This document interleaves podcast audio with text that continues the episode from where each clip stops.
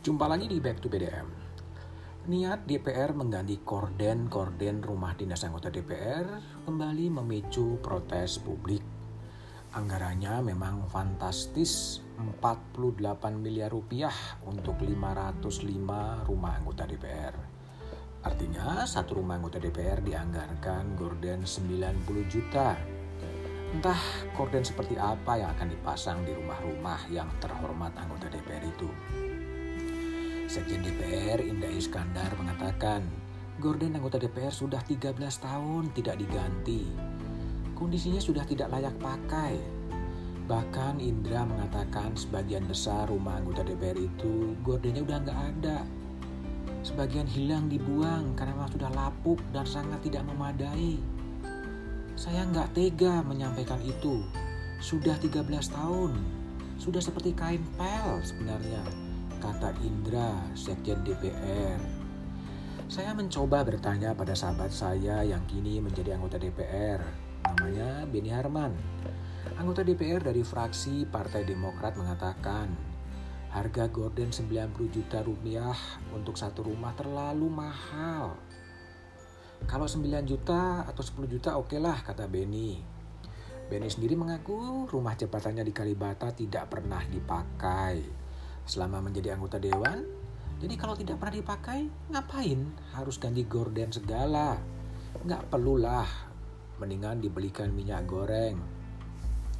Dia mengaku tak pernah mendengar ada usulan pergantian gorden.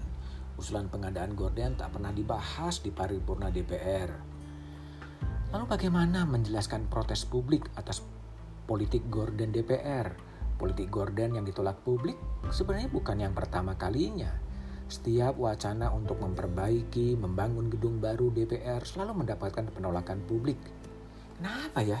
DPR yang seharusnya dekat dengan rakyat dan mewakili kepentingan rakyat, setiap langkahnya selalu mendapat resistensi dari rakyat. Saatnya DPR dan anggotanya melakukan introspeksi diri ada apa dengan lembaga itu.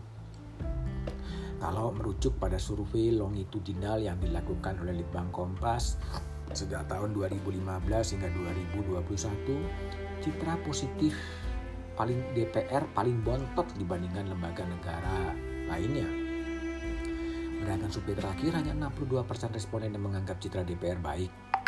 Memang lebih dari mayoritas, tapi 62% itu paling rendah dibandingkan citra-citra lembaga lain, apakah itu TNI, apakah itu Pemda, apakah itu Polri. Dan itu konsisten sejak 2015 sampai 2001 citra DPR sama kurang baiknya dengan citra partai politik. Di mata publik, DPR tidak ubahnya hanya tukang stempel kebijakan pemerintah dalam menggolkan berbagai undang-undang. Undang-undang yang lebih dekat dengan kepentingan elit lebih mudah digolkan oleh DPR. Lihat revisi undang-undang KPK yang memberi ruang memperlemah KPK cepat sekali diproses.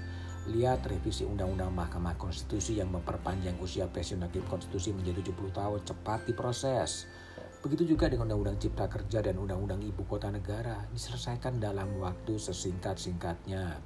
Sebaliknya, undang-undang yang menjadi aspirasi masyarakat seperti Undang-Undang Tidak Pidana Kekerasan Seksual, Undang-Undang Perlindungan Data Pribadi, Undang-Undang Perampasan Aset akan sangat susah mendapatkan persetujuan politik dari DPR.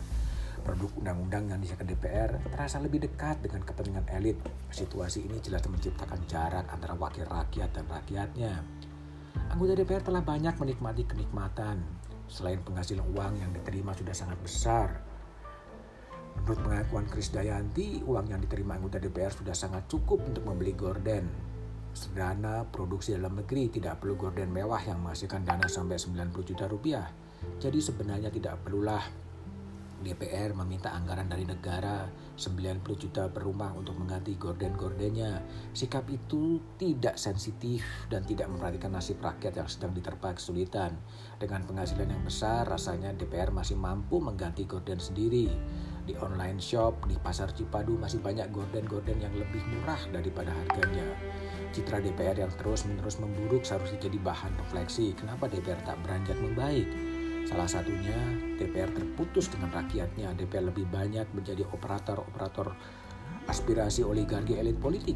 Saatnya DPR mempunyai compassion terhadap masih rakyat yang masih kesulitan minyak goreng, yang kehilangan pekerjaan, yang belum punya rumah, yang terkena naiknya harga bahan bakar minyak. Jumpa lagi di Back to BDM berikutnya.